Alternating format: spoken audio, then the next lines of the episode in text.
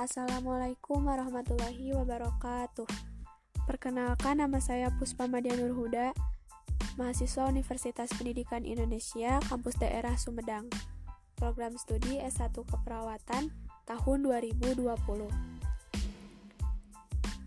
Di podcast ini, saya akan menyampaikan mengenai latihan napas dalam dan batuk efektif dan juga postural drainase yang merupakan salah satu tindakan keperawatan bagi pasien yang mengalami gangguan pernapasan.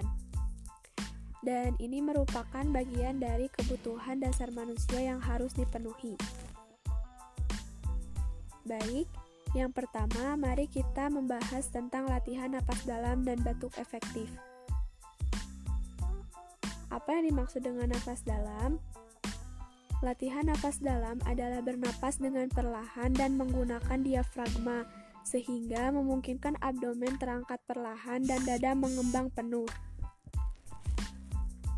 Abdomen itu sendiri yaitu sebuah rongga besar yang dilingkupi oleh otot-otot perut pada bagian ventral dan lateral. Abdomen berbatasan dengan tulang iga di sebelah atas.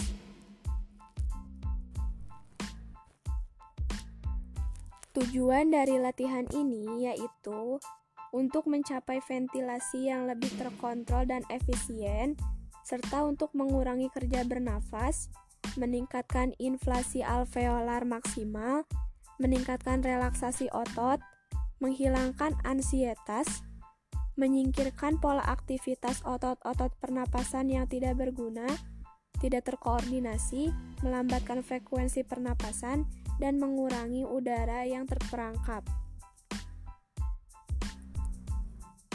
Latihan ini dapat dilakukan oleh pasien dengan gangguan paru obstruktif maupun restriktif, pasien dengan tahap penyembuhan dari pembedahan toraks, dan untuk metode relaksasi.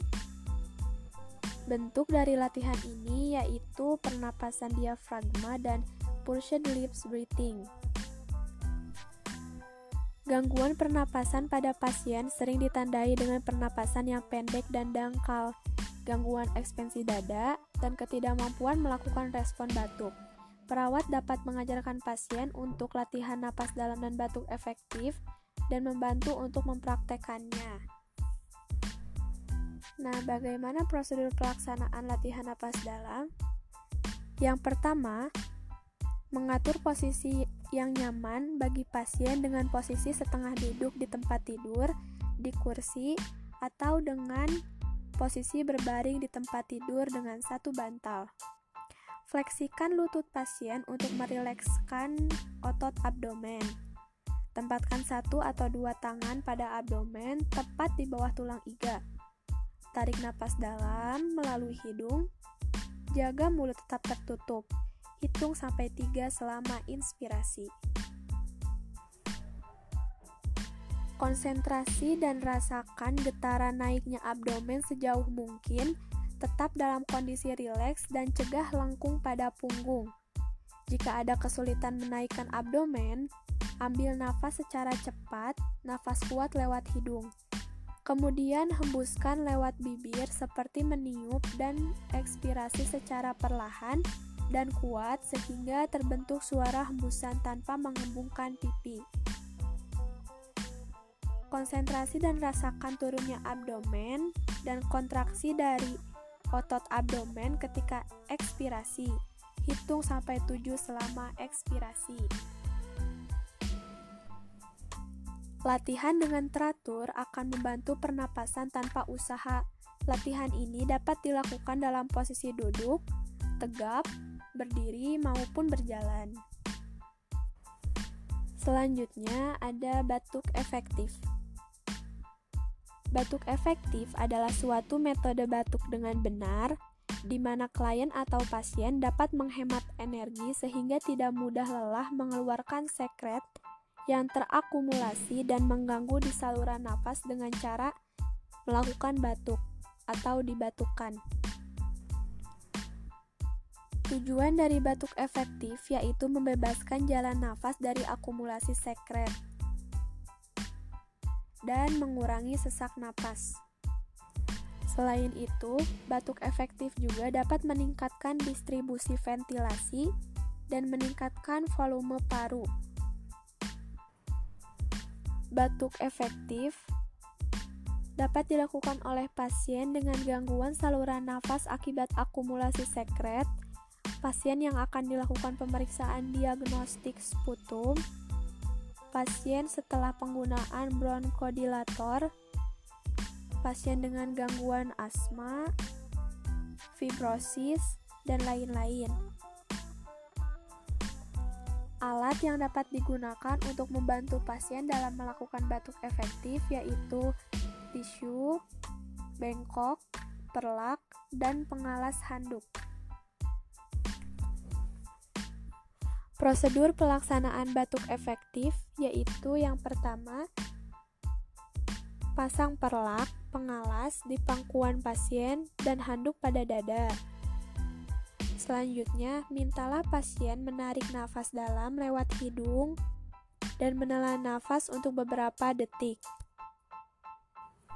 Selanjutnya, mintalah pasien untuk batuk dua kali. Batuk pertama untuk melepaskan mukus, dan batuk kedua untuk mengeluarkan sekret. Jika sudah, tampunglah sekret atau dahak pada sputum pot yang berisi lisol. Selanjutnya, bersihkanlah sekitar mulut dengan tisu. Itulah penjelasan mengenai latihan napas dalam dan batuk efektif untuk pasien yang mengalami gangguan pernapasan. Selanjutnya adalah postural drainase. Postural drainase adalah bagian dari fisioterapi dada atau chest physiotherapy atau bisa disingkat dengan CPT yang merupakan terapi untuk memobilisasi sekresi paru dan dianjurkan untuk pasien yang memproduksi dahak lebih dari 30 ml per hari atau menunjukkan tanda atelektasis pada pemeriksaan ronsen dada. Postural drainase adalah teknik pengaturan posisi tertentu untuk mengalirkan sekresi pulmonar pada area tertentu dari lobus paru dengan pengaruh gravitasi. Pembersihan dengan cara ini dicapai dengan melakukan salah satu atau lebih dari 10 posisi tubuh yang berbeda. Setiap posisi mengalirkan bagian khusus dari pohon trakebronkial, bidang paru atas, tengah atau bawah ke dalam trakea batuk atau penghisapan, kemudian dapat membuang sekret dari trakea. Tujuan dari teknik postural drainase yaitu untuk mengeluarkan sekret yang tertampung, untuk mencegah akumulasi sekret agar tidak terjadi atelektasis, dan untuk mencegah serta mengeluarkan sekret. Posisi pasien untuk melakukan teknik postural drainase ini di antaranya 1. Ronkus apikal anterior lobus atas 2. Bronkus apikal posterior lobus kanan Selanjutnya bronkus lobus atas anterior Bronkus lingual lobus atas kiri Bronkus lobus tengah kanan Bronkus lobus bawah anterior kanan dan kiri bronkus basal posterior kanan dan kiri, bronkus lateral lobus bawah kanan dan kiri, serta bronkus superior lobus bawah kanan dan kiri. Postural drainase ini dapat dilakukan oleh pasien yang memakai ventilasi, pasien yang melakukan tirah baring yang lama, pasien yang produksi sputum meningkat seperti pada fibrosis kistik, pasien dengan stelektasis yang disebabkan oleh sekret, pasien dengan abses paru, dan pasien dengan pneumonia, dan juga gangguan pernapasan lainnya. Selanjutnya, prosedur kerja dari postural drainase.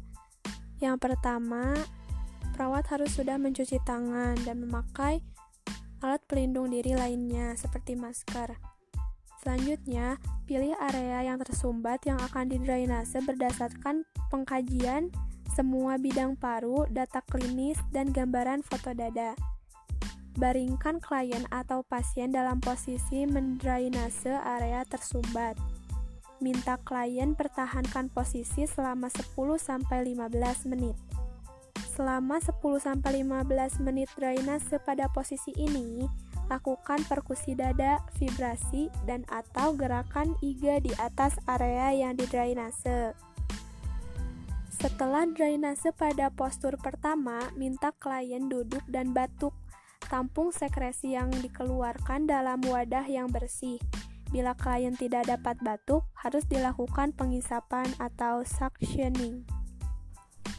Selanjutnya, berikan tisu untuk membersihkan sputum. Minta klien untuk istirahat sebentar bila perlu. Berikan minum dan ulangi langkah sampai semua area yang tersumbat telah terdrainase. Setiap tindakan tidak boleh lebih dari 30-60 menit. Ulangi pengkajian dada pada semua bidang paru dan cuci tangan kembali untuk perawat. Itulah penjelasan mengenai teknik postural drainase dan sebelumnya latihan napas dalam dan juga batuk efektif. Mungkin itu saja yang dapat saya sampaikan. Terima kasih sudah mendengar, semoga bermanfaat. Mohon maaf atas segala kekurangannya. Wassalamualaikum warahmatullahi wabarakatuh.